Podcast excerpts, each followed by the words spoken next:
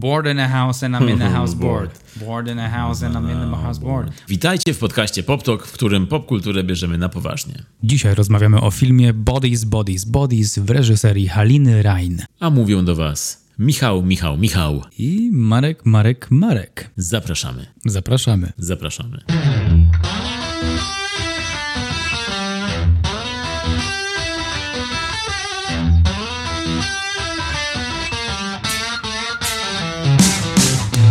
Jakie masz, jakie masz, jakie masz newsy dzisiaj, Michał? Jakie newsy masz, hej? Nie odpowiem ci śpiewem na to, ale odpowiem ci śpiewająco. No to mam dzisiaj dwa newsy dla ciebie, Marek. E, Jeden, Wow. dziękuję, dziękuję. Jeden jest taki, że powstaje nowa część gry. O Go-. Żartuję oczywiście. Chodzi mi oczywiście o Gdynię. Nagrody filmowe na festiwalu filmów fabularnych w Gdyni zostały rozdane. Festiwal dobiegł końca, a Złote Lwy, czyli główna nagroda, powędrowała do filmu Agnieszki Smoczyńskiej Silent Twins. Knew it, love it. Także jest to, jest to film, który odnosi spore sukcesy ostatnio, ale też ma swoich krytyków, bo na przykład recenzje w prasie amerykańskiej są e, dosyć mieszane. Jest, niektórzy chwalą, niektórzy przekreślają. Co, co, jest, co dobrze wróży, znaczy, że to będzie film, który polaryzuje, to znaczy, że. Że wszyscy się zlikwidujemy do 2025. A my też go obejrzymy niedługo, bo film będzie na festiwalu Kamera Akcja w Łodzi, na którym też będziemy. I sobie obejrzymy i, i posłuchamy również. I weźmiemy udział w QA z reżyserką Agnieszką Smoczyńską i z ekipą filmu. Tak, świetnie, świetnie. Super excited, Michael, super excited.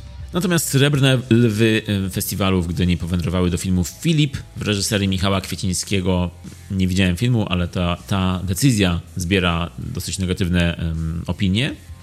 Znaczy jest to kontrowersyjna decyzja i podobno mm, na film nie zasłużył. Nie wiem, nie widziałem, ale no to powtarzam tylko co, co czytałem, słyszałem.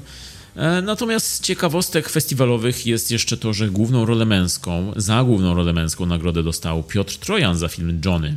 E, A główna rola kobieca natomiast Dorota Pomykała za film Kobieta na dachu w reżyserii Anny Jadowskiej. A ten sam Piotr Trojan zdobył Złote Lwy aktorskie w 2020 roku za rolę pierwszoplanową w filmie 25 lat niewinności, sprawa Tomka Komendy. Także widać, że Trojan będzie tutaj naszym stałym bywalcem w festiwalu filmów fabularnych w Gdyni.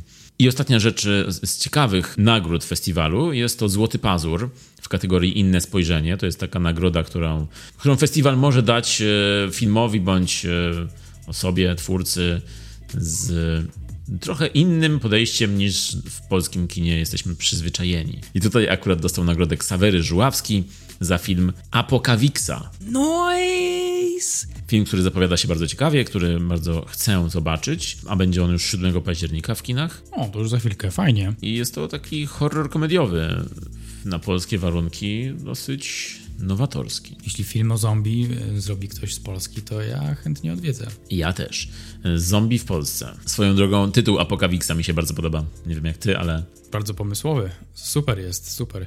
No jak pamiętam jak to wyszło, to, to próbowałem to promować, bo to zawsze popieram takie nowatorskie kroki ze strony polskich twórców, jak to było na przykład z W lesie dziś nie zaśnie nikt. Trochę takie, czy robienie horroru w ogóle przez Polaków. To jest e, fajnie, że twórcy polscy wprowadzają Polaków w ten gatunek, no bo to chyba to nie zawsze było takie powszechne.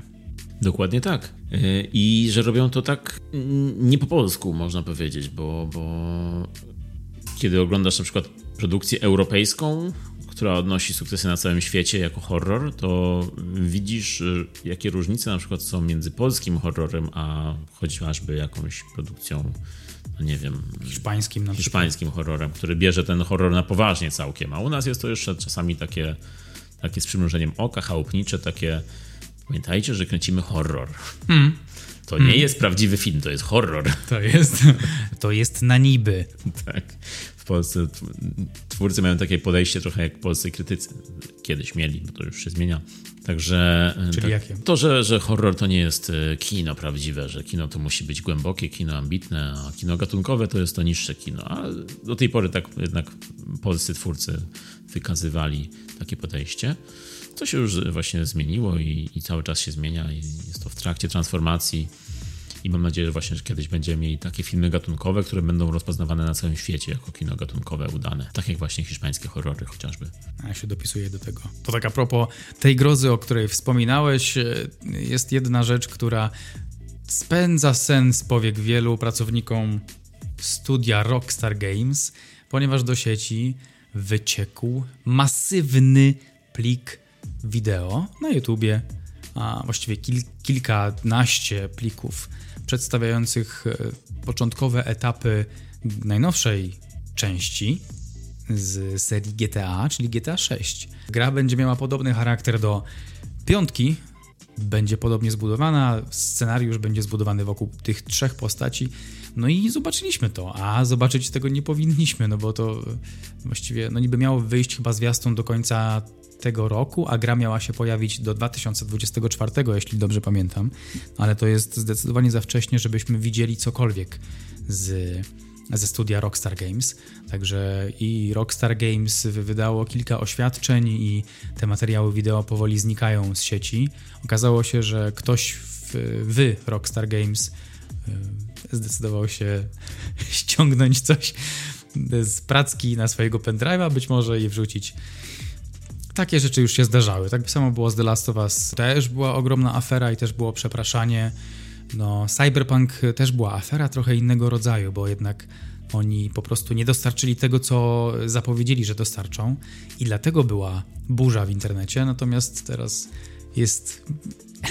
Jest fantastycznie się czyta te komentarze internautów. To jest po prostu czysty, czysta trucizna, jak, jak opisują Rockstar Games. Oni zawsze tacy byli, niech się nie dziwią, bo już tyle lat fanów trzymają i nic nie mówią. Dobrze im tak. Także fantastyczna narracja internetowa, jak zwykle. Jak zwykle zresztą. Ostatnio często się widzę, zdarza, zdarzają wycieki e, wśród w sieci gier nie wiem, czy może też to się wiąże z tym, że jest to pewnego rodzaju promocja też. No nie wiem, myślę, że nie jest to celowy zabieg z ich strony. Może tak działać, no nie?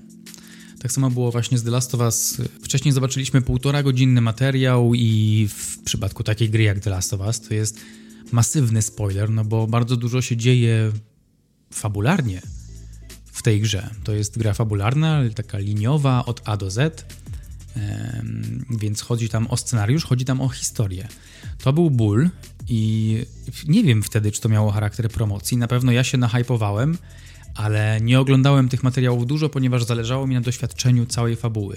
Tutaj natomiast jest to trochę inny rodzaj gry, to jest sandboxowa gra, e, jest sporo możliwości, możesz się pobawić postaciami, możesz poeksplorować mapę, i może to nie będzie działać jako spoiler, taki sam w sobie. Myślę, że jak zwykle zdania będą podzielone. Już też widziałem e, pośród tych toksycznych komentarzy głosy, że i tak kupię tę grę. No jakby to nie, nie, nie, nie sprawi, że, że nie, nie, nie lubię Rockstar, czy nie wiem. Ten tytuł nie ma dla mnie znaczenia. Pamiętajmy, że ostatnia gra, ostatnia część, czyli piątka, była wypuszczona w 2013 roku, więc to jest prawie 10 lat czekania. Także cokolwiek nie wypuszczą, chętnie w to zagram. No to ja też mam jeszcze newsa a propos horrorów. Ja tym razem już mam a propos takich bardziej horrorów stricte i to jest news filmowy, bo odnosi się do postaci łowcy demonów, który się nazywa John Constantine. O tak, wiem o czym mówisz. I love it.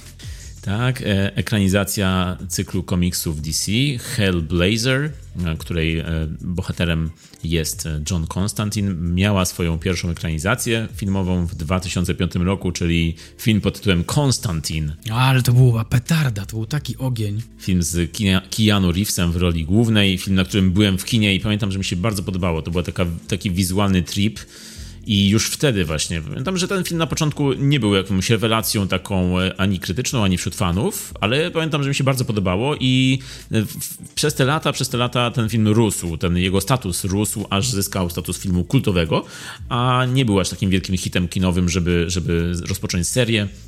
I to się zmieniło dopiero teraz, po 17 latach ogłosili, że Keanu Reeves wraca do roli. Francis Lawrence, reżyser, też wraca na stanowisko swoje i razem stworzą drugą część e, Konstantina.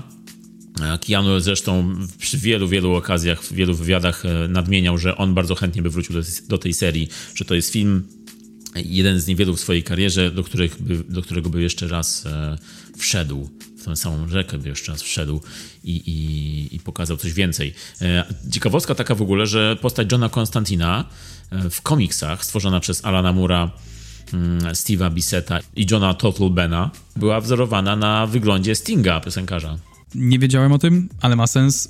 Y, Konstantin w komiksach był blondynem przecież. Tak, i był Brytyjczykiem, a Konstantin w filmie jest brunetem i jest Keanu Reevesem. Which makes him even better. I oglądałem, oglądałem też y, animacje z Konstantinem brytyjskim i też spoko się to oglądało. Brytyjski akcent też ma to coś magnetycznego, ale Keanu Reeves to Keanu Reeves i on mi tak wizualnie, symetrycznie pasował do tego Konstantina. No, Konstantin taki kontakt miał z tymi demonami i z tym światem. Keanu ma taki w sobie, taki edge, taki nieodgadnięty. On mi bardzo pasował do tej roli i był też brunetem, był bladym brunetem, co mi pasowało do osoby, która przeprowadza egzorcyzmy i ma kontakt z osobami supernaturalnymi. To no, tak sobie wyobrażam człowieka, który się tym zajmuje. Tak, Keanu po Matrixie to miał przede wszystkim. No i też Keanu zawsze jest sobą w tych rolach swoich, czyli jest taki małomówny, wycofany i właśnie w takich rolach ten jego charakter e, się uwidacznia i pasuje. We went too far. We know too much. Kojarzysz to? They knew too much. Kojarzysz to, tak? Tak, kojarzę. They went too far. Pablo Francisco. Oj tak, to jest to, to jest to nazwisko. Tak, tak, tak. Pablo Francisco to jest to nazwisko. Ej, Aj, papi. Pamiętam też to, tak, tak, to były dobre czasy. Yy, nie ma gościa już w sensie żyje, ale nie ma się. A, nie, nie, nie żyje, żyje, ale nie, nie, nie w ogóle nie słychać o nim ani jego występów. Nie wiem dlaczego. Pablo Francisco, jeśli to słyszysz, odezwij się do nas. Pablo Francisco i wśród e, wymienionych tutaj nazwisk w, w kategorii wpływ, które mieli na niego, jest Benny Hill. Okej, okej. Okay. Totally, totally can see that. No dobra. E, czyli e, Konstantin 2 czekamy ale dzisiaj rozmawiamy o filmie Bodies, Bodies, Bodies w reżyserii Haliny Rain. Halinka, nasza droga Halinka. Znasz Halinkę? Widziałeś ją w czymś? Czy coś, coś stworzyła, co znasz? Do tej pory znałem Halinkę Młynkową tylko. Halinka Młynkowa stworzyła Czerwone Korale, właściwie zaśpiewała, nie stworzyła. Czyli stworzyła pewną interpretację. Halina Rain, zanim wyreżyserowała film Bodies, Bodies, Bodies, była aktorką. Była aktorką w swojej rodzimej Holandii. Mm, grała tam w wielu, wielu filmach. E, grała chociażby w takim dużym filmie, który zyskał światową sławę. Wybił się tak z Holandii i, i podróżował po świecie. Ja go oglądałem, pamiętam, na festiwalu Camera Image. I tytuł tego filmu to Czarna Księga Paula Verhovena. Mm, bardzo dobry film. Film wojenny, dramat w reżyserii tego Verhovena, który dał nam Robocopa chociażby. Inny film w jego dorobku, ale naprawdę bardzo dobry, warty uwagi. Mm, e, I, I, ona tam grała jedną z y, pobocznych ról, ale, ale na pewno taką wpadającą w pamięć, bo miała taką scenę dosyć odważną, gdzie tańczyła nago, bawiła się nago z y, nazistami. Shut up and take my money. No, oblewali ją szampanem tam naziści w tej scenie. E, no i po, tych swoich wielu, wielu rolach, e, nawet zresztą w Hollywood też zagrała, bo pojawiła się w filmie Valkyria, z Tomem Cruise'em, a następnie e, po, po tych wielu swoich wielu rolach w 2019 roku zadebiutowała jako reżyserka filmu Instinct, holenderskiego filmu zresztą. I dopiero teraz po trzech latach e, wróciła jako reżyserka z filmem Bodies, Bodies, Bodies, czyli widzę, że rozgościła się w tym fotelu reżyserskim. Ale to chyba dobrze, że tam się właśnie rozgościła, niech sobie siedzi, bo, bo ten film, o którym będziemy dzisiaj mówić, miał w sobie to coś, a mówimy, jeszcze przypomnę, jakby ktokolwiek zapomniał, mówimy o filmie Bodies, Bodies, Bodies. Ciała, ciała, ciała. Dziękuję serdecznie, pozdrawiam. E, ciała, ciała, ciała, film. O czym opowiada film, ten film? Film, film. film, film, film. Dzisiaj powtarzamy rzeczowniki. Otóż grupka bogaczy takich bogatych, młodych ludzi organizuje imprezę podczas huraganu. W pewien sposób chcą uczcić to, że jest huragan, uczcić to alkoholem, narkotykami i probably sex. I w trakcie tej imprezy zaczynają grać w grę Bodies Bodies. Bodies, znaną z naszego życia realnego jako gra Body Body, której celem jest znalezienie mordercy w tym towarzystwie, w jakim obecnie się znajdujesz. Gra ta trochę się wykoleja, wypada spod kontroli i zaczynają się pojawiać prawdziwe ofiary. I pojawia się prawdziwy horror. Gra Body Body ma podobny charakter do gry Mafia. Grałeś kiedyś w Mafię? Grałem w Mafię i właśnie słyszałem, że Mafia jest nazywana w różne sposoby w różnych krajach i właśnie w Stanach jest też znana jako Bodies, Bodies, Bodies, albo też znana jako The Werewolf. Hmm.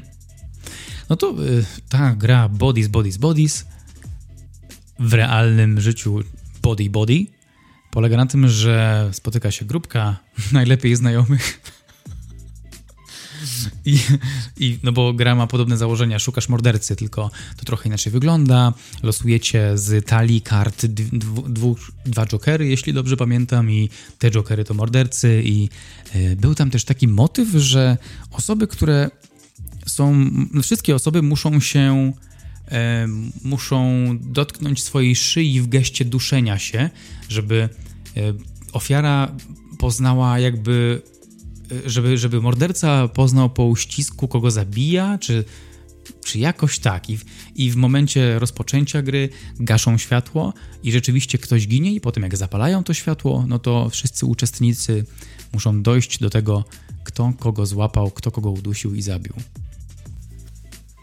Tak, u nas jest to bardziej popularne i znane jako mafia i, i bardziej jest podobne zasady, troszkę inne jednak, e, mniej e, duszenia i zabijania e, takiego sensu stricte. Ja, ale chyba też jest zabijanie w mafii, no nie? Tam też chyba chodzi o jakieś morderstwo? Ale mniej dotyku, bo nie trzeba nikogo... Nie trzeba. Tak, wystarczy, tak, że tak. siedzisz w kółku i, i mówisz to, i zamykasz oczy, otwierasz, a tutaj bardziej taka wędrowna gra. Wędrujesz po domu. To jest bardziej wędrowna gra. To jest dla mnie gra wędrowna właśnie. Że musisz wstać z fotela. Także grają rzeczywiście w tę grę i opis fabuły jest nam znany. Jest to taki e, z filmu imprezowego zmienia się w Whodunit. Whodunit, czyli film e, próbują, o grupie osób próbujących wytropić sprawcę zbrodni we własnym gronie albo w zewnętrznym gronie. Nie wiadomo. W jakimś gronie, ale nie w winogronie na przykład. Nie, nie w winogronie, ani nie w gronio stosupie. Classic joke. Classic gronie. Classic grani. grani.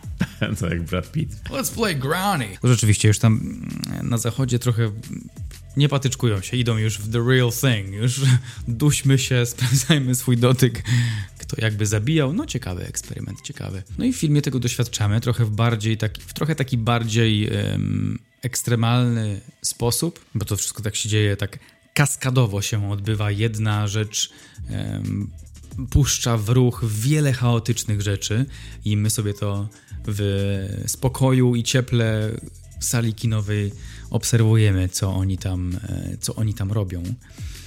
E, natomiast no, są elementy podstawowe takie horroru. Jest tam grupka młodych ludzi, którzy, no oni jakby przy poznaniu już wyglądają, że dobra, tam się niezła jazda będzie dziać. To był jeszcze większy level e, niepewnego vibe'u niż w krzyku, niż w tych wszystkich w filmach o młodzieży, która, która się zabija. Mm, zaczyna się bardzo intensywnie i jest strach, jest seks, jest dużo ćpania, alkoholu i narkotyków i, i e, no, zapowiada się świetnie na początku. Bohaterowie to raczej dobrze usytuowani mm, dwudziestokilkulatkowie, to są dzieci bogatych rodziców, mm, którzy e, imprezują w wielkim, wielkim domu w posiadłości, w willi e, jednego z nich, e, Davida, e, rodziców Davida dokładniej. I, no, i widać po nich, że, no, że oni są bardzo bogaci i mm, to też wpływa na ich postaci, na ich charakter. Wszyscy ci bohaterowie, no prawie wszyscy, to takie dorosłe dzieci jeszcze. Mm, zazwyczaj w takich filmach typu Krzyk mamy do czynienia, do czynienia z nastolatkami. Tutaj jednak mamy do czynienia z dwudziestokilkulatkami, czyli starszy, starsi bohaterowie, ale nadal są w podobnym klimacie, można powiedzieć jak ci nastolatkowie ze slasherów, a całość można potraktować jako taki obraz pokolenia Z. Pokolenie Z, czyli osoby urodzone po 95 roku, pokolenie, do którego się już nie kwalifikujemy, Marek. No ty to już w ogóle chyba tam baby boomer, czy... Co, że ja w ogóle, a ty to co, niby trochę? Też w ogóle się nie kwalifikujesz. Chyba trochę właśnie. Ty... Nie, właśnie nie kwalifikujesz się w ogóle, Marek. Jeszcze korzystałeś z pomocy po komunistycznej pewnie jakiejś, jakieś paczki samolotem nam zrzucali. coś było, coś... Jestem z pokolenia takiego jak ty, czyli pokolenia Y, milenialsi. Really? Tak jesteśmy, yeah. jesteśmy Y? To samo pokolenie. Jesteśmy pokolenie Y, czyli y, millennials jesteśmy. Czyli nazywasz się Miller i jesteś millennialsem? Bro, bro. Ej, że, to, że ja na to wcześniej nie wpadłem.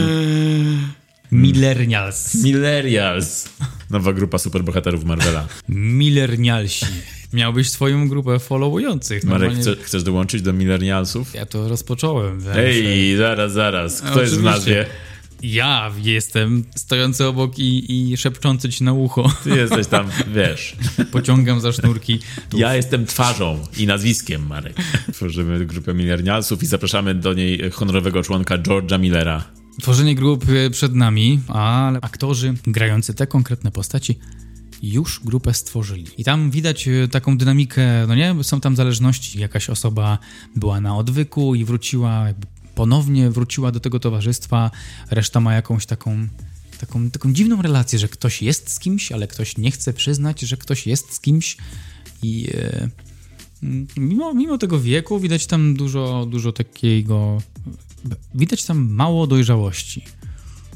Także pomyślałbym, że to są jednak nastolatkowie, ale, ale nie. Są to ludzie, którzy mają po dwadzieścia kilka lat i mają bogatych rodziców. And they board in a house, they're in the house board. Samo to, że film dzieje się podczas imprezy huraganowej. No, huragan i impreza, dwie rzeczy, które się ze sobą nie łączą nasi bohaterowie potrafią je połączyć i zrobić coś takiego jak właśnie e, Hurricane Party. E, I mamy, mamy tu więcej takich przeciwstawień, przeciwieństw, czyli huragan i impreza. Bohaterowie zaczynają na niej tańczyć, bawić się i wymyślają, że zagrają w grę. Ale nie jakąś zwykłą grę, tylko właśnie w grę, o, którą, o której już mówiliśmy. Dlaczego taką grę? Jedna z bohaterek mówi nam wprost, że ta gra ostatnio doprowadziła e, niektórych do łez, było tam, ale właśnie dlatego zagrajmy w to. I to jest kolejne przeciwieństwo, czy przeciwstawienie takiej dobrej zabawy z czymś, co nie jest dobrą zabawą, dlatego idźmy w to. I, I, właśnie fajnie ten film to, to wygrywa. To, że mm, to są tego rodzaju ludzie. To są tego rodzaju bohaterowie. I irytujący ludzie, z którymi nie chciałbyś może być na imprezie, bo wiedziałbyś, że to się źle skończy, ale jednak są to tacy ludzie, którzy, którzy, których rysy wyglądają na prawdziwe. Scenarzystka zwłaszcza w swoim scenariuszu bardzo rysuje prawdziwe postaci. A tutaj musimy, jeśli mówimy o scenariuszu, warto by nadmienić, jak ten film powstał. Y, powstał z inicjatywy autorki Kristen Rupenian.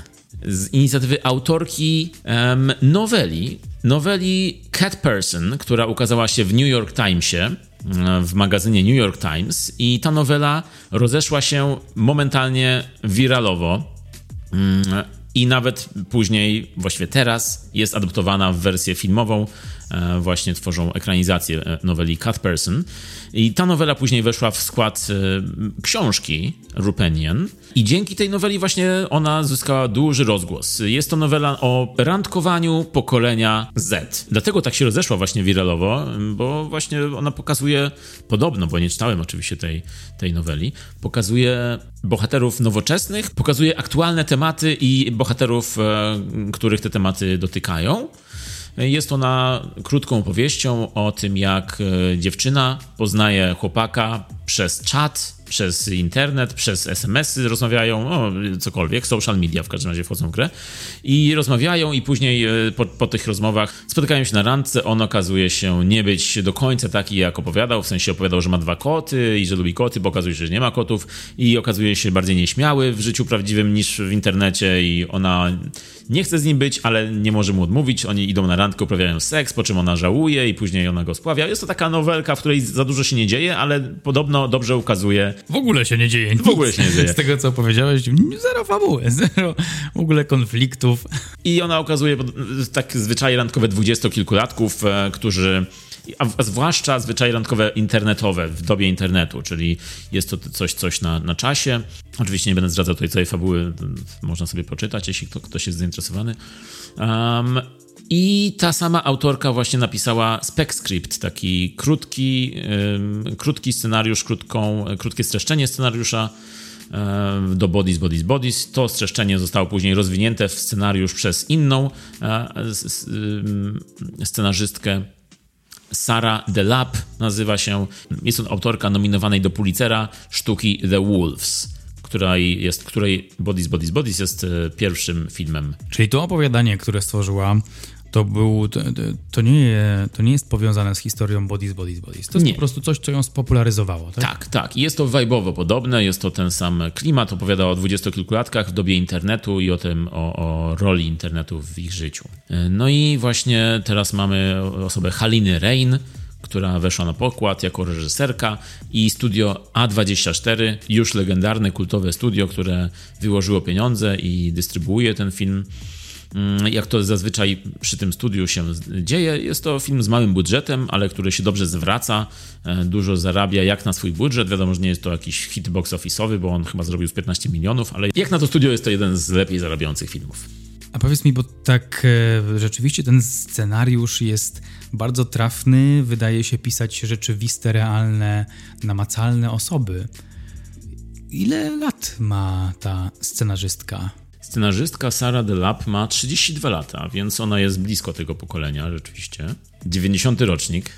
E, natomiast autorka tej noweli i tej pierwszej wersji scenariusza, ona ma teraz 40, jak to pisała, miała pewnie 38, a jak zyskała rozgłos, to miała 35 lat pewnie. Natomiast reżyserka Halina ma 46 lat, 75 rocznik, także nie spodziewałbyś się, że ona pokaże jakoś to pokolenie Z w adekwatny sposób. Spodziewałbyś się takiego bardziej dziaderskiego podejścia, czyli e, te młode dzisiaj to wiesz, to i tamto. Ten film jednak tak nie robi, mimo że z, ten film jednak tak nie robi i reżyserka właśnie wypowiada się w wywiadach, że ona bardzo polegała na swoich aktorach, na swojej ekipie, na swojej obsadzie.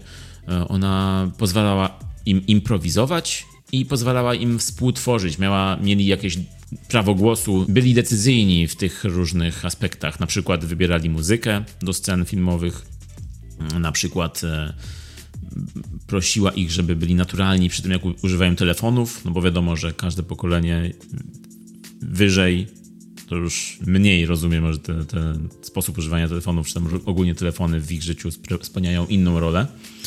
Dlatego musiała bardzo polegać na swojej obsadzie i to też na dobre bardzo wyszło. Tym bardziej jeśli chodzi o jakiś język, którego używali w filmie. Mówisz o tym, tym, tej młodzieżowości, tak? Tego języka, tego...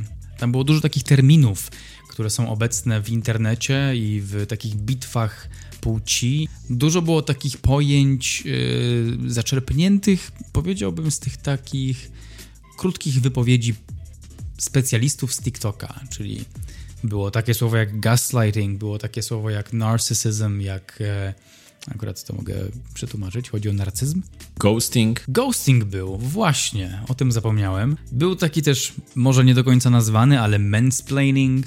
Dużo takiego vibe'u, który zauważam wchodząc na TikToka, szczerze mówiąc, i tego całego Five reasons why he wasn't good for you. Okay, number one. I wymieniają, że he's gaslighting. I, I, to było używane w dialogach w taki, w taki właśnie sposób, taki trochę płytki, taki zasłyszany, że tak jak słyszałem w tym TikToku, tak jest na 100% i teraz to wygarnę tej osobie w sposób toksyczny i taki, który napędza spiralę nienawiści. Tak, były tam takie terminy aktualne, bardzo na czasie, które są używane albo przez to pokolenie, albo przez pokolenie wyżej, żeby wygarnąć właśnie, tak jak powiedziałeś, temu pokoleniu niżej. E, zwłaszcza była tam taka jedna scena dłuższa, mm, gdzie bohaterki naskakiwały na siebie i to było takie mm, bardzo intensywna, mocna scena. I w ogóle w tym filmie były oba, obie strony, bo najpierw był David, grany przez Pita Davidsona, e, z Gregiem, granym przez Lee Pace, no to oni, właściwie David bardziej był tą stroną toksyczną, toksyczną męskość wykazywał, czyli on musiał być tym dominującym samcem alfa.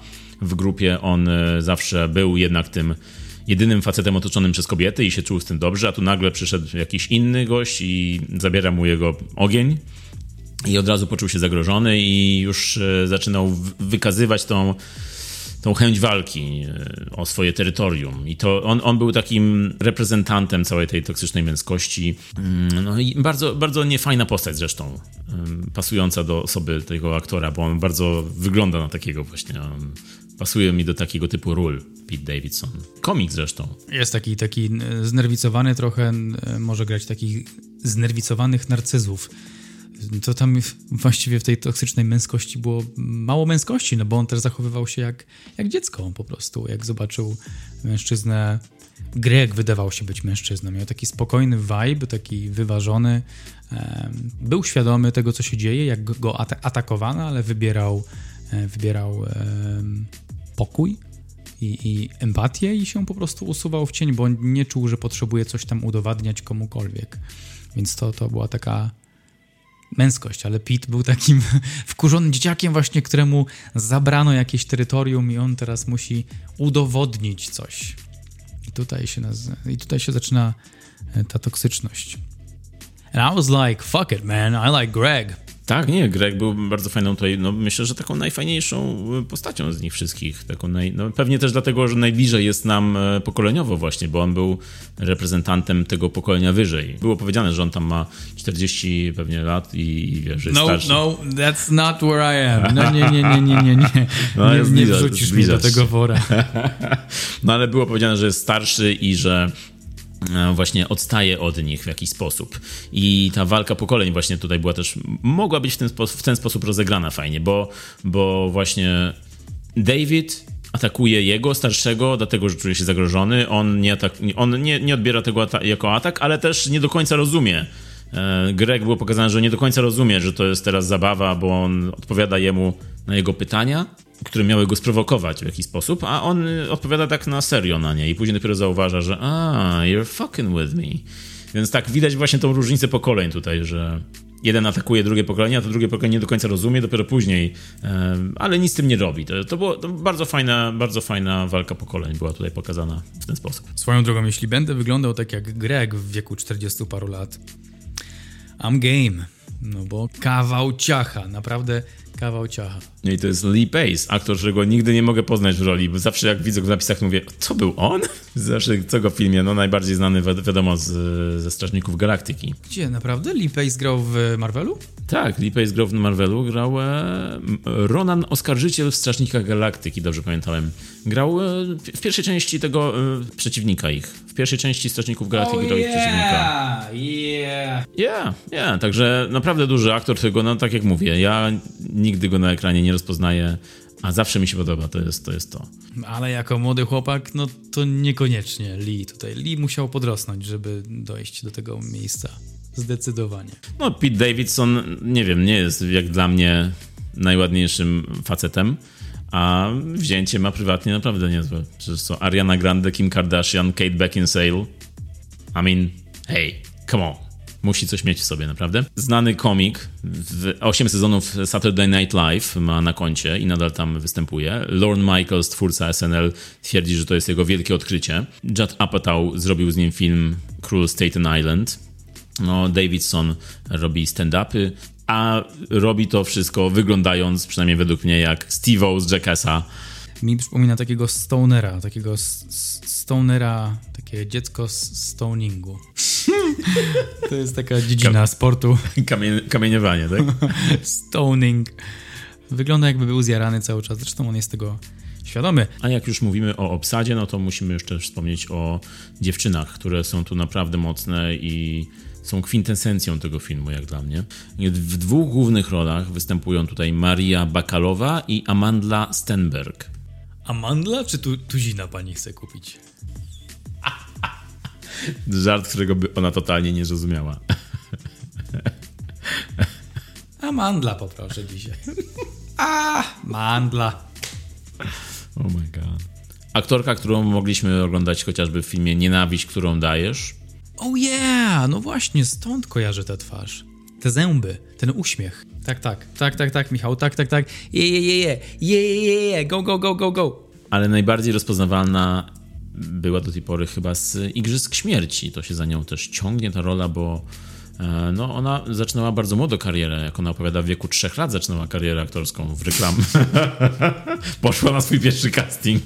No, 23-letnia aktorka w tej roli wypadła naprawdę bardzo przekonująco, bardzo mi się podobała. Maria Bakalowa, 26-letnia, a już ma na koncie choćby nominację do Oscara za Borata, drugą część e, za swoją rolę w filmie Kolejny film o Boracie, gdzie grała córkę Borata i tam wysypał się na nią worek nagród po tym filmie. E, wszyscy się zastanawiali, kim ona jest, bo to była jej pierwsza rola amerykańska i dlatego ją zdobyła, bo właśnie nie była rozpoznawalna i dlatego mogła razem z Boratem wyprawiać te wszystkie rzeczy i chodzić na te wszystkie akcje nagrywane z ukrycia, bo, bo nikt ich nie znał, znaczy jej nie znał, bo jego już wiadomo rozpoznawali. No i Maria Bakalowa tą swoją rolą w drugim Boracie właściwie podbiła całe Hollywood. Wszyscy się zastanawiali właśnie kim jest. E, ona wcześniej grała w Bułgarii, a od Borata zaczęła jej się amerykańska kariera. Mm, był, był później film Bańka, The Bubble, Netflixowy, Jada Apatowa i teraz jest Bodies, Bodies, Bodies, także jest ona jeszcze na początku swojej kariery, ale po takim czymś jak nominacja do Oscara za rolę w Boracie, no to poszeczka była bardzo wysoko postawiona na pewno, to, to trzeba powiedzieć, bo, no bo Sasha Baron Cohen dał jej bardzo dużo, ale co dalej? Ta wielka rola jako pierwsza rola amerykańska, no wszyscy się zastanawiali, czy to była kwestia Coena, czy jej kwestia. No ciężko, wiadomo, ocenić dokonania aktorskie po jednej roli, zwłaszcza takiej roli, która jest no, improwizowana w dużej mierze. Mm, Bakolowa zresztą sama mówi, że boi się horrorów i bała się wystąpić w Bodies, Bodies, Bodies, ale traktowała to jako komedię bardziej. I myślę, że to jest też jeden z kluczy do, do, do tego filmu, że ja bym traktował ten film jako bardziej komedio-thriller. Fajnie. Ja nie. Nie, nie, to nie był horror. To nie był, to nie był horror. To było dla, dla mnie osobiście to był hudanyt, slasher hudanyt I, i, i tyle. Były momenty, kiedy przysypiałem, powiem szczerze. To nie, nawet aż tak mnie nie trzymało w napięciu. E, niektóre, niektóre sceny się wydłużały, tych poszukiwań po domu. No i było tak ciemno i, i w ogóle było późno, jak oglądaliśmy ten film, że tam oczko mi trochę... Naprawdę? Przez chwilkę, tak, tak. tak. Naprawdę? Serio, no. Więc z pozycji Marka, który mówi nie lubię horrorów, nie oglądam horrorów, no na tym filmie na tym filmie trochę przyspałem, więc prawdopodobnie nie był to horror. O, może tak, bo jakby to był horror, to miałbym problem. No właśnie. Z ja naszą się, przyjaźnią. Ja się cieszyłem, że idziemy na horror wreszcie, że wreszcie poruszymy tutaj jakiś temat horrorowy. E, z tym, że no właśnie nie był to do końca taki horror sensu stricte, nie był to straszny film, e, ani ten straszny film Scary Movie też to nie był. E, było to coś pomiędzy, czyli to było, to był tak jak powiedziałeś slasher, czyli rodzaj, rodzaj thrillera, film, który, na którym się nie boimy, film, na który Marek może spokojnie iść obejrzeć do kina i później zasnąć w nocy. Powiem więcej, nawet wydaje mi się, że to był satyryczny slasher whodunit. Tak, było tu dużo satyry, no właśnie, zwłaszcza satyry na to pokolenie całe, e, ale też satyry na, myślę, nasze życie wokół aktualne, dzisiejsze, no bo tam w tym filmie jednak punktem wyjścia jest to, że ci bohaterowie nagle zostają odcięci od internetu. Nie ma Wi-Fi, nie ma prądu, zostają w tym domu sami i nagle jest, następuje chaos wielki. Nie wiedzą, co mają robić, nie wiedzą, jak mają się zachowywać, i wtedy nagle wychodzą z nich ich prawdziwe oblicza, konfrontują się ze sobą w realu. Mówią sobie te rzeczy, których nie mówili sobie lata, a naprawdę o sobie myśleli. I budowali relacje na, na, na czym właściwie? Na, na, na możliwości spojrzenia w telefon w każdej chwili. Tak, a są to bohaterowie są ze sobą bardzo blisko, bo tam jest nadmienione to, że oni się znają, niektórzy z nich znają się od dzieciństwa To są przyjaciele z dzieciństwa, którzy właśnie, po których nie widać tego aż tak bardzo jako grupa imprezowiczów. Mają te podobne klimaty, ale kiedy główna bohaterka, główne bohaterki, czyli B, Maria Bakalowa i i Sophie, Amanda Stenberg przyjeżdżają na tą imprezę, która już trwa, no to wszyscy robią takie kwaśne miny i mówią, dlaczego ona tu jest? Y, a zaraz, y, tak, a zaraz się z nią witają i mówią, super, że jesteś. Także mm, jest tutaj poruszona też kwestia czatu grupowego, na którym ona nie odpowiadała i fajnie to jest wszystko powiązane ze sobą. To ten sposób komunikacji w prawdziwym życiu i sposób komunikacji internetowej, jak bardzo się od siebie różnią i jak bardzo nie da się poznać drugiej osoby właśnie przez tą komunikację internetową, social mediową, czy tam telefoniczną. Zresztą pierwsza scena tego filmu, pierwsza scena, nie wiem czy pamiętasz, na pewno pamiętasz. Pierwsza scena pokazuje pocałunek Sofii i B. Długi pocałunek, bardzo zmysłowy pocałunek. Bardzo lepki i zmysłowy. I rzeczywiście działał. Naprawdę, naprawdę to była to była ładna scena, podobała mi się estetycznie, podobała mi się. Y, to był dobrze, dobrze nakręcony pocałunek, no. Jest to nietypowy sposób na rozpoczęcie tego filmu. Jest to bardzo ładna scena, po której następuje też taka scena wyznania miłości. Sophie mówi Bi, że kocham cię, ale nie musisz mówić tego w drugą stronę. I korzysta z tego prawa. Tak, i jest to też właśnie fajnie pokazuje od razu z góry jej charakter, czyli ona jest tutaj taka asekurancka w tej swojej odpowiedzi, a później po tym, po tym wyznaniu jest cięcie i one obie siedzą w samochodzie, każda patrzy w telefon, pisze w telefonie.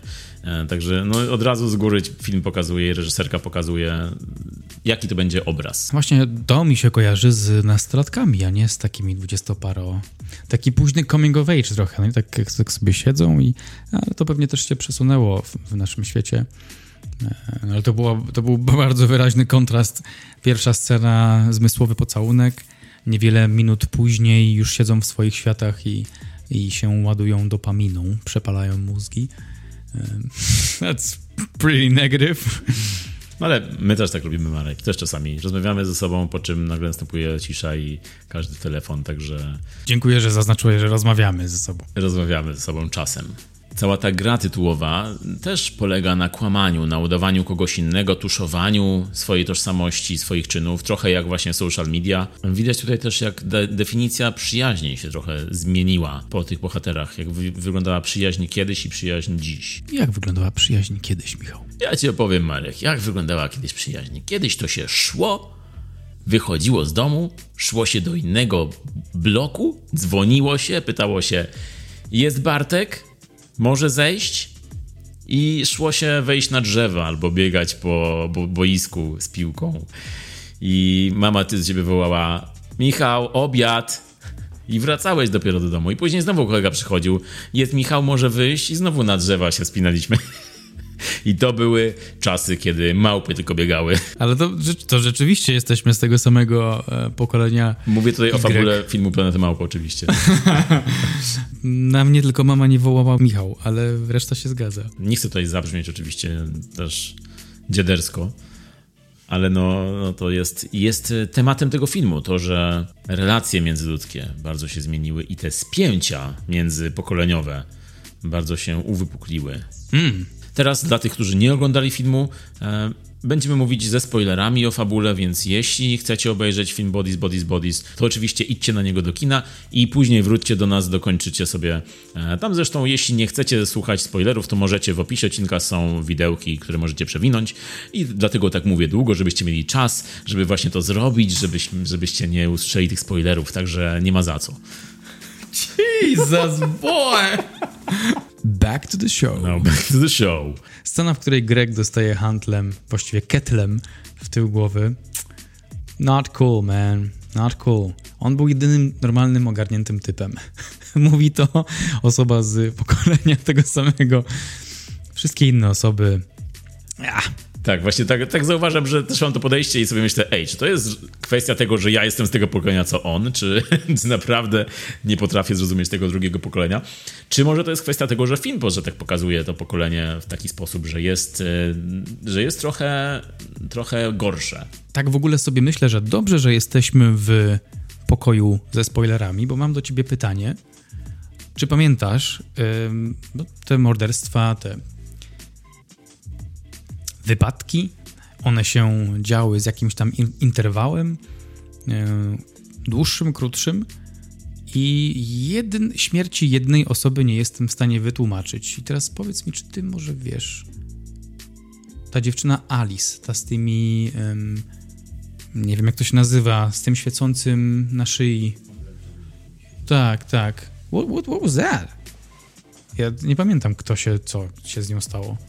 E, Alice podczas kłótni i podczas szarpaniny wystrzelił pistolet i dostała kulkę w szyję. Oh yeah! Drugą kulkę, bo pierwszą...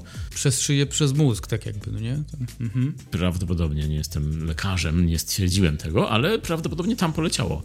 I e, Jordan to najpierw strzeliła jej w nogę umyślnie, a później przypadkowo dostała drugą i no niestety.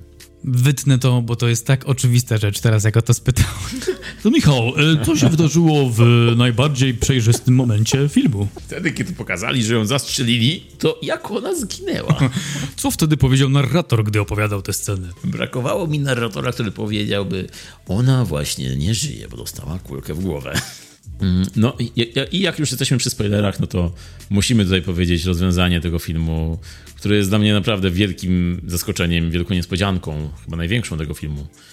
Czyli no nie ma mordercy. Morderca nie istnieje. There is no spoon. Tak jest.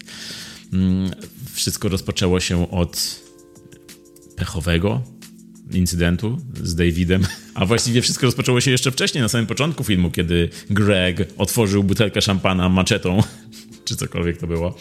I wtedy w ogóle świetna scena. Jak zobaczyłem tą scenę, nie, nie, nie, w ogóle nie pomyślałem, że ona jeszcze wróci w jakiś sposób. Ale już wtedy pomyślałem, wow, ale fajna scena.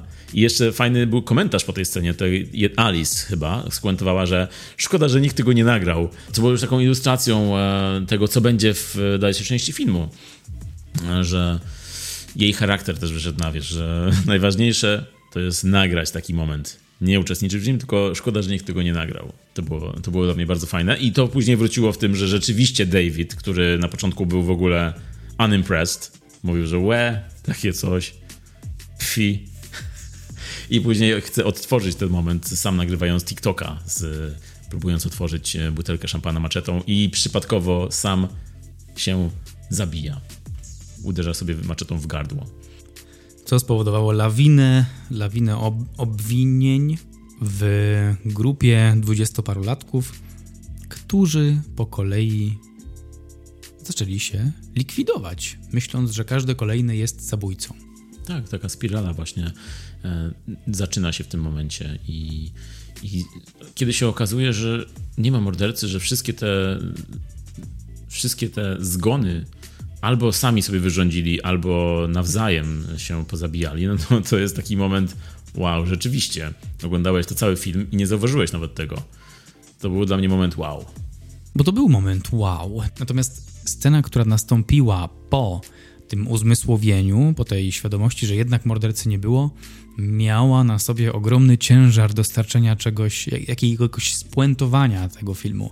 I według mnie ten moment nie dostarczył. Tak spojrzałem się na tego typa, który dojechał następnego dnia, gdy już było jasno, i, i Sophie i B zdały sobie sprawę z tego, że mordercy nie było, to pomyślałem sobie, wow, ale ten gość ma dużo na barkach. Co takiego on powie, że, że to będzie jeszcze śmieszniejsze, czy jeszcze jakoś bardziej spuentowane? No i nie, nie powiedział nic takiego, co by mogło wzbogacić tą końcówkę. Sama świadomość, że mordercy nie było, to już było enough. Ale za to B, grana przez Bekalową, ona miała, ona, ona miała ostatnią kwestię. Jej kwestia, czyli High Reception, mam zasięg, mam Wi-Fi już i to było dla mnie takim reprezentantem e, tego całego przesłania tego. E, I to było takie bardzo ironiczne podsumowanie całego filmu, czyli tego, co się właśnie wydarzyło, podsumowując w kompletnie absurdalny sposób. E, tym bardziej, że zwróćmy uwagę, że przed chwilą w finale obie bohaterki, które przeżyły, rzuciły się w, za telefonem. Miały do wyboru pistolet i miały do wyboru telefon. One się rzuciły za telefonem. Czyli kompletnie w ogóle abstrakcyjna myśl, kiedy walczysz o życie. Kiedy wiesz, że druga osoba może cię zabić, to obie miały taką samą myśl. Nie idźmy za tym pistoletem, który może uratować moje życie, tylko idźmy za, tą, za tym telefonem, gdzie może się okazać, że na przykład ona mnie zdradzała. I kiedy znajdują drugi telefon, E, no to wtedy, kiedy się okazuje, że co się wydarzyło właśnie, no to najważniejsze jest to, że mają zasięg. A zresztą przecież film się zaczynał od telefonu w rękach i kończy się telefonem w ręku, także według mnie jest to fajna klamra i ten ostatni, ostatnia kwestia była dla mnie takim ironicznym bardzo podsumowaniem. Nie było takim mocnym uderzeniem, rzeczywiście jak mówisz, mogło tak być, ale nie było. Tu oni poszli właśnie w taką ironię, naprawdę taką na koniec już ostrą. Także mnie na przykład się to podsumowanie podobało. Ja uważam, że mieli e, duże buty do wypełnienia w tym podsumowaniem i nie do końca dostarczyli, ale ogólnie film był spójny i też, też mi się podobał. Mm, do tej pory nie wiem, co oznacza ją sceny w basenie, bo na samym początku, po tych scenach pocałunków i, i y, jak już y, dojeżdżają do tego domu Sophie i B, gdzie mają spędzić noc, wszyscy goście są w basenie pod wodą. Każdy z nich chce wstrzymać oddech jak najdłużej i Greg wy wygrywa. Greg, czyli reprezentant naszego pokolenia wytrzymuje najdłużej. Tylko co to znaczyło? Bo też w trakcie tej kłótni, w trakcie tej kłótni o telefon lub pistolet, one wpadają znowu do wody i tak myślę sobie, hmm, to jest coś, znowu ta woda jest. A ta woda na początku była bardzo symboliczna, taka pokazująca ich w takim właśnie stanie trochę takiej młodości, takiej lekkości, takiego, takiego marnowania czasu świadomego i takiej mm, brak, takiego braku odpowiedzialności może. A na koniec ta woda, zwróć uwagę, że była błotem już po prostu, już była brudna, deszczówka pełna błota i one tam się już umorusały tą całą e, historią, która nastąpiła. Czyli porównanie, basen na początku, basen na końcu, e, no była tutaj ogromna różnica, czyli no być może jest to jakieś, wiesz, jakiś e, no, taki moment dojrzenia do czegoś. Ale no wiesz, no to jest, wydaje mi się, że właśnie to jest, tak jak mówisz, to jest jakaś metafora, symbolika tutaj, e, którą reżyserka miała. No i to jest właśnie jeden z przykładów takich scen, które są naprawdę ładne i mają coś więcej w sobie. Mm, który, ten, ten, film nie jest takim zwykłym slasherem, jak można by się spodziewać tylko. On, on właśnie niesie tutaj trochę więcej i, i można go rozkminiać fajnie. Nie jest jak God of War. Zwykły slasher. To teraz koniec spoilerów. Możecie spokojnie już posłuchać tego, co nastąpi teraz, a nastąpi podsumowanko. Film Bodies, Bodies, Bodies może być przez wielu nazywany slasherem i do pewnego stopnia będzie to prawda. Natomiast bardziej niż slasherem według mnie, czy horrorem for that matter, jest to film chudanyt z mocno satyrycznym charakterem. Aktorzy grają e, bogatych dzieciaków, którzy bardzo, zresztą umiejętnie, swoją grą tworzą spektakl internetowych dram, ujawniając przy kolejnym upadającym elemencie domino swoją prawdziwą twarz. Może nie tyle prawdziwą, co wzmocnioną narkotykami i tą bieżącą traumą to, co się dzieje między aktorami, ewidentnie pokazuje, że zostawieni sami sobie w obliczu tragedii lub y, no, takiego, takiej metafory płonącego budynku niszczą siebie nawzajem, zamiast tworzyć jakiś, e, jakieś przymierze, że oto jesteśmy razem w obliczu niebezpieczeństwa, chrońmy się. Nie, nie, nie. Tutaj to raczej idzie w drugą stronę. Jesteśmy w obliczu niebezpieczeństwa. Blaming 100%, to ty zrobiłeś, to ty zrobiłaś. E, może do ciebie strzelę, a może nie wiem, coś tam innego jeszcze się wydarzy. E, no muzyka dla mnie była super, bo była świetnie dobrana. Właściwie nie tyle ścieżka dźwiękowa, co tracklista. I w ogóle dźwięki, dźwięki tego huraganu, to też tak wzmacniało efekt um, napięcia, wzmacniało to napięcie. Nie było to muzyki wzmacniającej napięcie, ale to było rekompensowane przez dźwięki huraganu. A ta tracklista miała taki charakter, tak to odebrałem przynajmniej, e, też wzmacniający tę satyrę. Mm, przypomniała mi się taka scena z filmu To My Jordana Pila, jak w jednym domu rodzina jest masakrowana, szlachtowana i, i aktorka Elizabeth Moss chyba wtedy powiedziała Alexa, call 911, call the police. A Alexa odpowiada playing fuck the police. I ta muzyka też była w takim dialogu z widzem i z aktorem, no na przykład bored in a house, I'm in a house bored. Bored in a house and I'm in a house bored. No byli w tym domu, ta muzyka się pojawiała, jak rzeczywiście byli w domu i tego internetu nie było i byli rzeczywiście znudzeni w tym domu. Scenariusz dla mnie bardzo wiernie oddawał internetową rzeczywistość. e, jako ktoś, kto trochę życia stracił przy TikToku, e, przyznaję, że, że konflikty lub sposób prowadzenia rozmów e, między aktorami były jakby zdarte z tych realnych z sieci, czyli z tych wszystkich konfrontacji między, mm, nie wiem, sąd ulicznych, pytań zadawanych przez mężczyzn w stronę kobiet o, o równość płci, czy, czy tych wszystkich filmików y, pseudoterapeutów lub faktycznych terapeutów, którzy dzielą się spostrzeżeniami dotyczącymi gaslightingu, manipulacji, narcyzmu i tego wszystkiego, całego e, bajzlu, który łatwo jest przenieść jeden do jednego w emocjonalnej rozmowie z kimś znajomym. Zresztą y, te konwersacje bardzo przypominały taką dramę internetową, taką typową dla sociali burzę, y, gdy komuś coś się nie podoba, jest to od razu ze skrajności w skrajność, od razu na mm, zapalona zapałka podpala całą stodołę, jest, jest od zera do setki w półtorej sekundy i, i, i to oddawało takie realia internetowe, więc tutaj kudos za, za um, autentyczność. Ogólnie to film Bodies, Bodies, Bodies już chyba powiedziałem to słowo kilka razy, jest to dla mnie takie satyryczne hudanyt e, z wykorzystaniem współczesnych motywów zaczerpniętych z mediów społecznościowych. Konwersacje są pełne energii, ale są toksyczne i są bardzo narcystyczne. E, był taki moment, że oczko mi się zamykało, trochę przysypiałem, gdy tam w tym domu zabrakło internetu. Był to krótki moment, oczywiście żartuję sobie. E, ten moment dotyczył trochę innej rzeczy w filmie. Troszeczkę się przeciągnął, ale tylko troszeczkę. Oglądając te dialogi, można by pomyśleć, że nie jedno z nas było świadkiem takiej sytuacji, takiej wymiany, i być może w takich sytuacjach łapało się za głowę w obliczu takiej świadomości, że ta konwersacja jest totalnie wykolejona, jest poza, poza kontrolą, jest tylko wypominanie w, w jedną, w drugą stronę, nic co nie przynosi produktywnego, nic nie buduje. E, no ale ogólnie film z tymi wszystkimi elementami był dla mnie bardzo przystępny, e, był dobry, nie takim jakim obrazuje go zwiastun, to na pewno nie, e, bo zwiastun przygotowuje widza na, na typowy slasher, horror, jatkę. No nie tak to do końca wygląda. I w ogóle to jest taki drugi film, który ostatnio oglądaliśmy, który w zwiastunie był zupełnie innym filmem tego, który był wyświetlany w kinach. Ode mnie 7 na 10. Takie horrory mogę oglądać.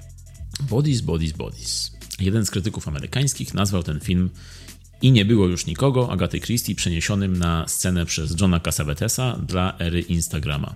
Bardzo dobry opis. Podoba mi się ten opis. Jest to obraz pokolenia Z w krzywym zwierciadle, razem z całą frazeologią, razem z tymi zachowaniami typowymi dla tego pokolenia, ale nie jest to sprowadzone do jakiejś parodii jednego, jedne, jednego typu ludzi, powiedzmy. No to jest szerszy kontekst tutaj. Pokazuje też inne mm, naleciałości bardziej e, typowe dla, dla naszych obecnych czasów, powiedziałbym tak. Mm. Z początku film wygląda lekko i zabawnie, a później robi się mocno, intensywnie. Mm, ja osobiście nie mogłem oderwać się od ekranu. Nie był to horror, na którym bym się bał, ale był to bardzo ciekawy hudanyt, którym typowanie sprawcy bardzo nie wciągnęło i przyłapałem się na koniec na tym, że cały film typowałem, miałem swoje typy i finale mnie zaskoczyli. To było dla mnie coś fajnego, jak na, jak na ten gatunek. Tym bardziej, że właśnie ten finał obraca fabułę, hudany, obraca gatunek bardzo przewrotnie i świeżo. Jest tam też satyra, do której reżyserka przyłożyła się bardzo dobrze i ona działa na kilku poziomach i, i ten film działa na kilku poziomach, w kilku gatunkach. Subtelnie rysuje te, tych swoich bohaterów i dynamikę między nimi. Mm, żaden z bohaterów nie jest karykaturą, powiedziałbym. Każdy, mimo że ma jakieś takie karykaturalne cechy, to są one równoważone przez e, cechy, które są bliskie życiu, rzeczywistości, coś, co sprowadza ich na ziemię.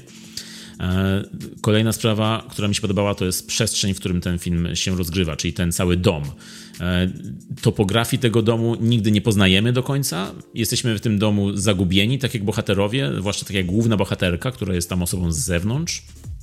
osobą z zagranicy, osobą outsiderką, która czuje się właśnie wyobcowana i, i ten dom też to pokazuje. Po pierwsze, no ten dom jest wielki i labiryntowy, można powiedzieć, ale też jest pogrążony w mroku. I mnie właśnie te dwa mm, sposoby pokazywania przestrzeni bardzo się spodobały. Czułem się zagubiony tak jak one. Były tam tylko jakieś fragmenty, mm, fragmenty, które rozpoznawałem, tak jak na przykład, nie wiem, schody można było rozpoznać, było, można rozpoznać kuchnię, czy balkon, czy cokolwiek. Były jakieś, jakieś miejsca, które pamiętam, ale, ale całego domu nie znam. Y, swoją drogą reżyserka opisała ten dom jako dom, który pokochałby Donald Trump, bo symbolizuje złamany amerykański sen. I ja to kupuję. Z ciekawych rzeczy jeszcze a propos kręcenia, no to reżyserka zostawiała aktorom możliwość improwizacji, e, wyboru muzyki, chociażby piosenka 212 Iggy Azali, to sami aktorzy wybrali do sceny imprezy, jako że to była dla nich najbardziej imprezowa piosenka. Kręciła w długich ujęciach, pozwalała im na, na dużo w tych ujęciach i chciała z nich wydobyć najbardziej taki trashy wersję ich, e, ich charakterów. Mm, to też bardzo dobrze działa, bo chciała pokazać po prostu zwierzęcą naturę tych swoich postaci i, i, i, ludzi w ogóle. Czy, czy oni już są zwierzętami, czy jeszcze nie. No tutaj e, myślę, że ten dyskurs pokoleniowy bardzo ciekawy był rozszerzony przez, przez, e, przez ten film. Ale też swoją drogą no, pokazuje kruchość związków, które mogą się wydawać stałe i mocne, no to wcale, jak ten film mówi, nie są takie. Albo też na przykład pytanie takie ciekawe, które było zadane w filmie, czyli czy można się zmienić w starym towarzystwie, tak jak główna bohaterka tego filmu, która przeszła zmianę, ale wróciła do starego towarzystwa, które zna ją z dzieciństwa, z lat wcześniejszych i zna jej prawdziwą twarz. I czy można się zmienić właśnie, kiedy inni w otoczeniu się nie zmieniają. No, były tam ciekawe, ciekawe rzeczy do analizy, choćby do takich food for thought, który mnie się podoba osobiście, ale były też dużo, było też dużo dobra gatunkowego. No, można przywołać choćby Krzyk, najbardziej myślę Krzyk jako taką serię, która zredefiniowała gatunek. Bodies, Bodies, Bodies nie, nie, nie redefiniuje gatunku, ale, ale jest, e, widać, że inspiruje się takimi filmami jak choćby Krzyk. Inspiruje się też Agatą Christie, oczywiście i nie było już nikogo, e, no tutaj jest to, to, to odwołanie jest, jest bardzo widoczne ale są też, e, no nie wiem, mnie na przykład e, klimat przypominał trochę Assassination Nation, czy też dzieła właśnie sama Lewinsona, znanego z Euforii. Trochę mi przypominały z ostatnich filmów film Zabawa w pochowanego, czyli Ready or Not, twórców nowego krzyku zresztą i nowy krzyk jest tu troszkę odniesieniem może do, do tego filmu. Mm, I w ogóle czułem w tym Kevina Williamsona, scenarzystę Krzyku. E, e, sama reżyserka mówi, że ten film jest połączeniem filmu Wredne dziewczyny z mm, książką Władca Much. Także ona ma tutaj więcej na myśli. E, takie odwołania w filmie jak choćby Doktor Żywago czy Hedda Gabler, sztuka Henryka Ibsena też fajnie tutaj urozmaicają dialog. Także scenariusz bardzo ostry, mocny i pełen ciekawych obserwacji. To jest coś, z czym mogli być wszyscy moi przyjaciele nie żyją. Polski Netflixowy film, który mógł tak wyglądać, gdyby miał dobry scenariusz, ale niestety według mnie nie miał.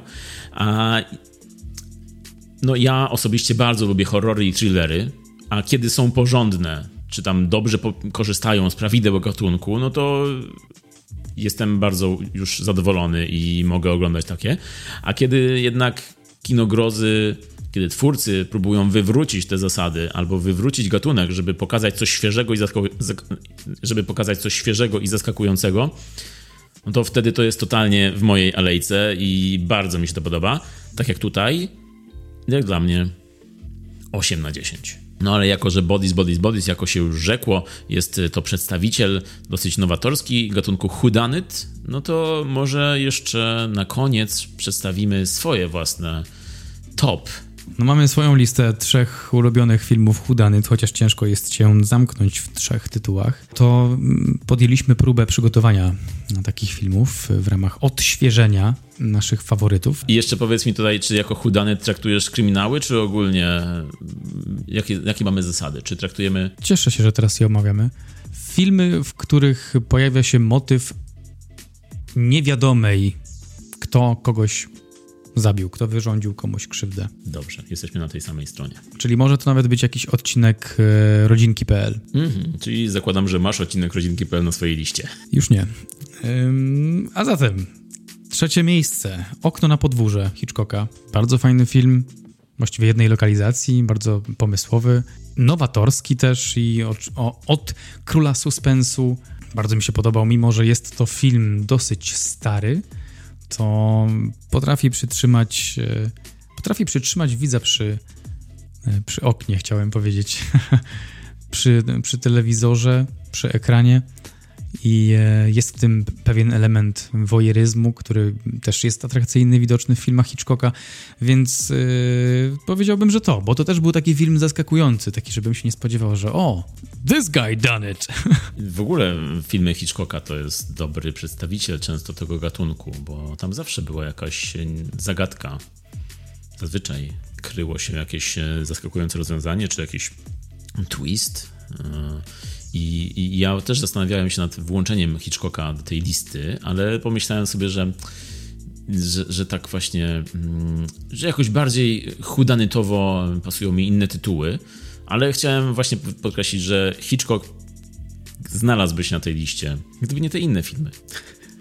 Mm, to ma sens. A co jest u ciebie na trzecim miejscu? No i właśnie a propos Hitchcocka, bo chciałem psychozę wstawić na tą listę, ale stwierdziłem, że nie jest do końca to, ma elementy chudanyt, ale nie jest to do końca chudanyt, no bo bardziej wiemy, jakie jest rozwiązanie. Może, może nie do końca, ale no wiecie o co chodzi, jak oglądaliście. Mało opcji tam. Tak, dokładnie, dokładnie. Okno na podwórze też myślałem o tym, ale też właśnie zastanawiałem się, czy no tam jest więcej opcji, bo tam jest dużo okien i, i rzeczywiście i mieliśmy tutaj, ale stwierdziłem, że może nie jest to do końca dla mnie taki chudanyt, ale jest pewien chudanyt, który inspirował się Hitchcockiem. Twórca jego inspirował się Hitchcockiem. Chodzi mi o reżysera Jamesa Mangolda i inspirował się psychozą, tworząc swój no, naprawdę typowo chudanyt film w stylu Agaty Christie. Jest to film pod tytułem Tożsamość, Identity. Film o no, dziesięciorgu bohaterów. Chcę powiedzieć, że dziesięciorgu, ale nie jestem pewien, czy było ich dziesięcioro. Ale film o grupie nieznajomych, którzy zostają uwięzieni w motelu odciętym od świata przez burzę. I wkrótce zaczynają ginąć po prostu jeden po drugim. Jest to taki typowy chudany w stylu Agaty Christie, w stylu i nie było już nikogo.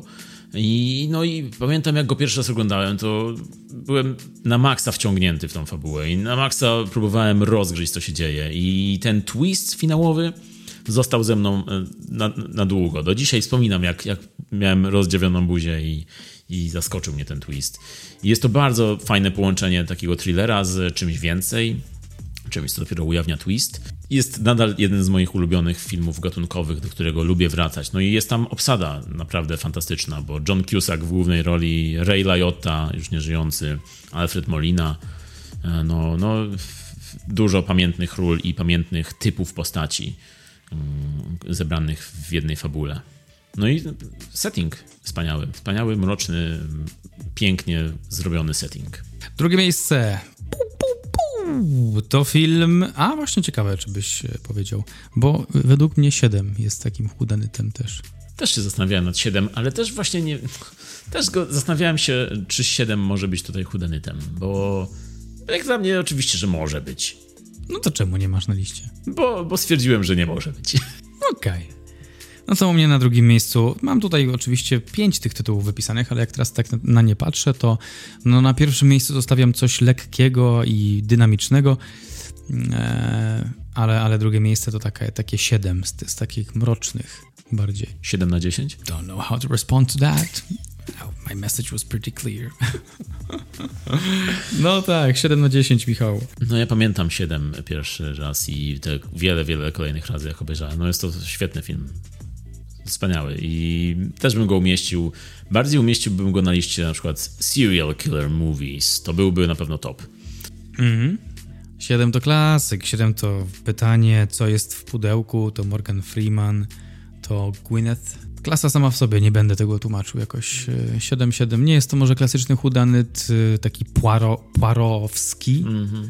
na, na wzór Poirot, ale, ale jest zagadka. Jest zagadka też. No właśnie, ten element zagadki u mnie się pojawia przy tych wyborach. Tak, jasne, bo ja to totalnie rozumiem, że tam są, tam jest jakiś hudanyt.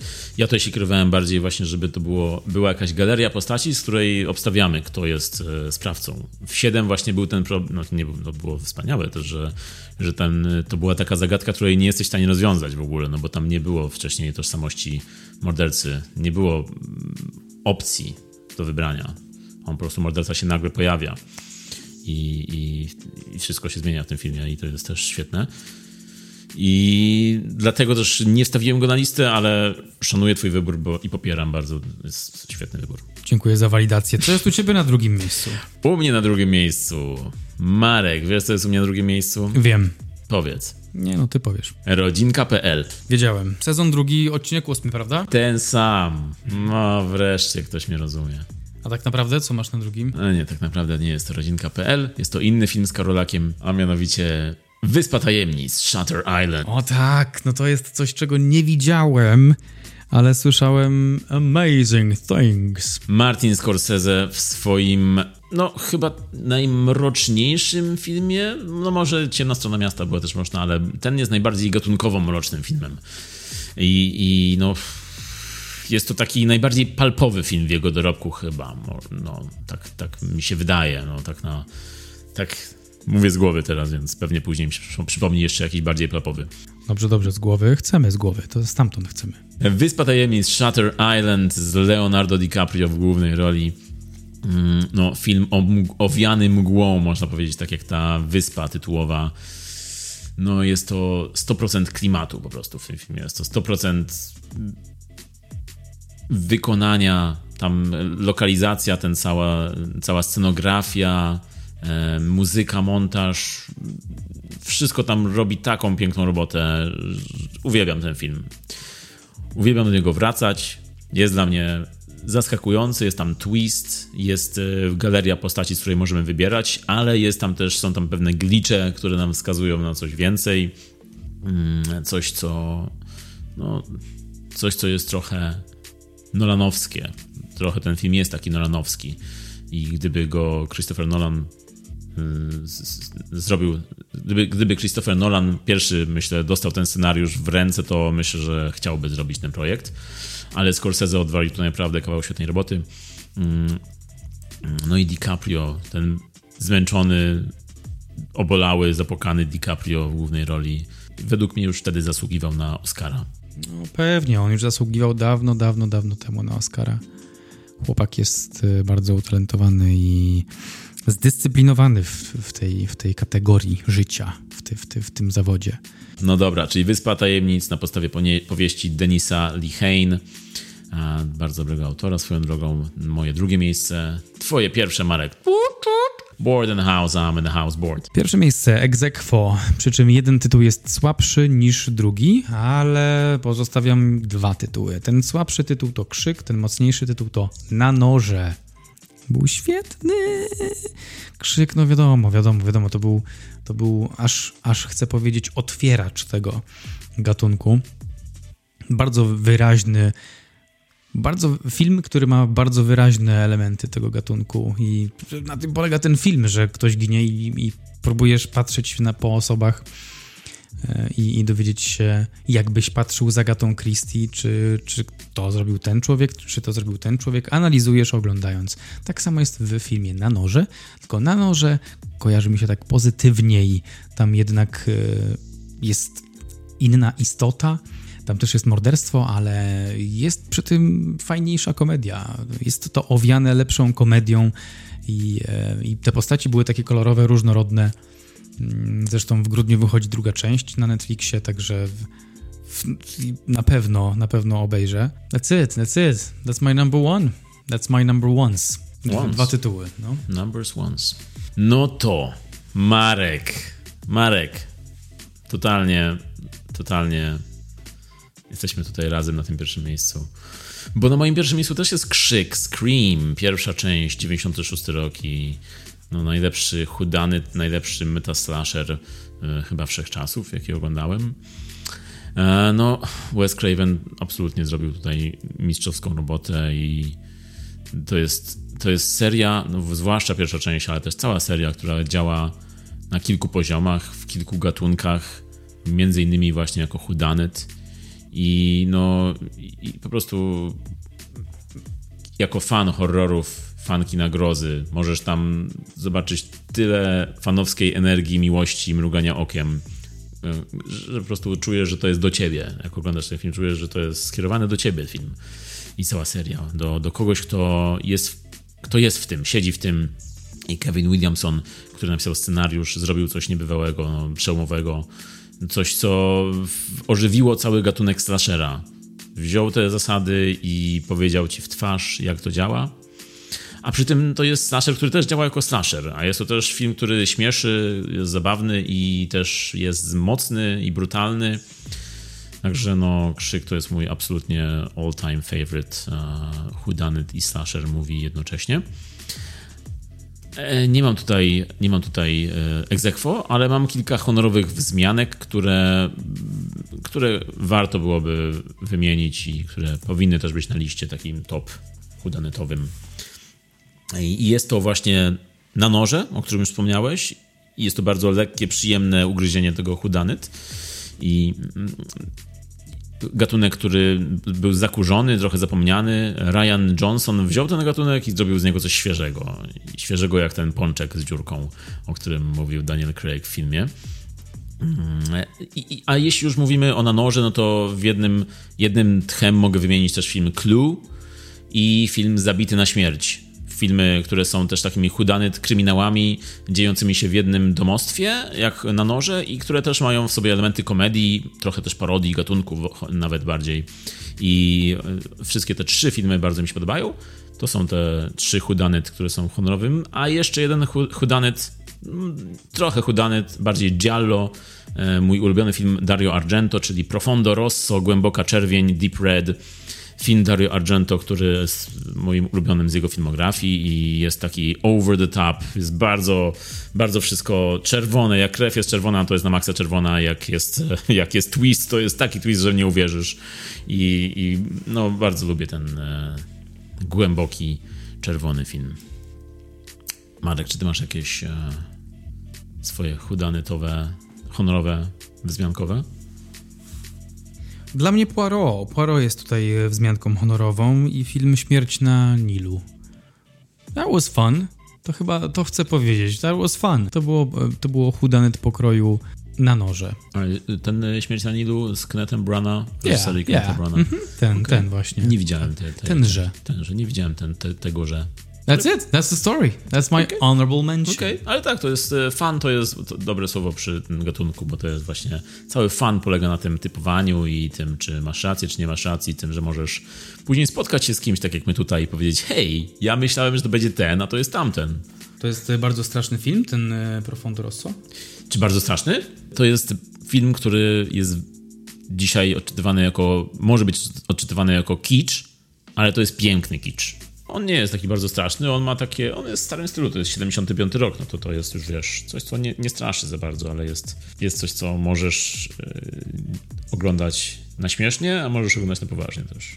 Tak łączy komedię i thriller i horror. Ale kto jest mordercą? Kto? Nie wiem, musimy chyba przesłuchać to nagranie, żeby się dowiedzieć. Musimy zebrać wszystkie dowody. Musimy zebrać wszystkie dowody i wrzucić je do wody, jak w filmie Bodies, Bodies, Bodies o którym dzisiaj rozmawialiśmy i dziękuję Wam za obecność. Horror, obecność też. See what I did there? I, I see what you did there. Nie chudany, ale horror, tak, obecność. Mm? Mm? Obecne w naszym sercu. Mm? Wspólnym, jednym wspólnym sercu. Mm -hmm, które bije czas. Jesteśmy braćmi syjemskimi, połączonymi jednym sercem. Hope not, man. Ah, that was so awkward. To by było chaos. Także dziękujemy właśnie, dziękujemy i zagadkę rozwiązywali dla Was Michał i Marek. Do zobaczenia, usłyszenia w następny. Cześć.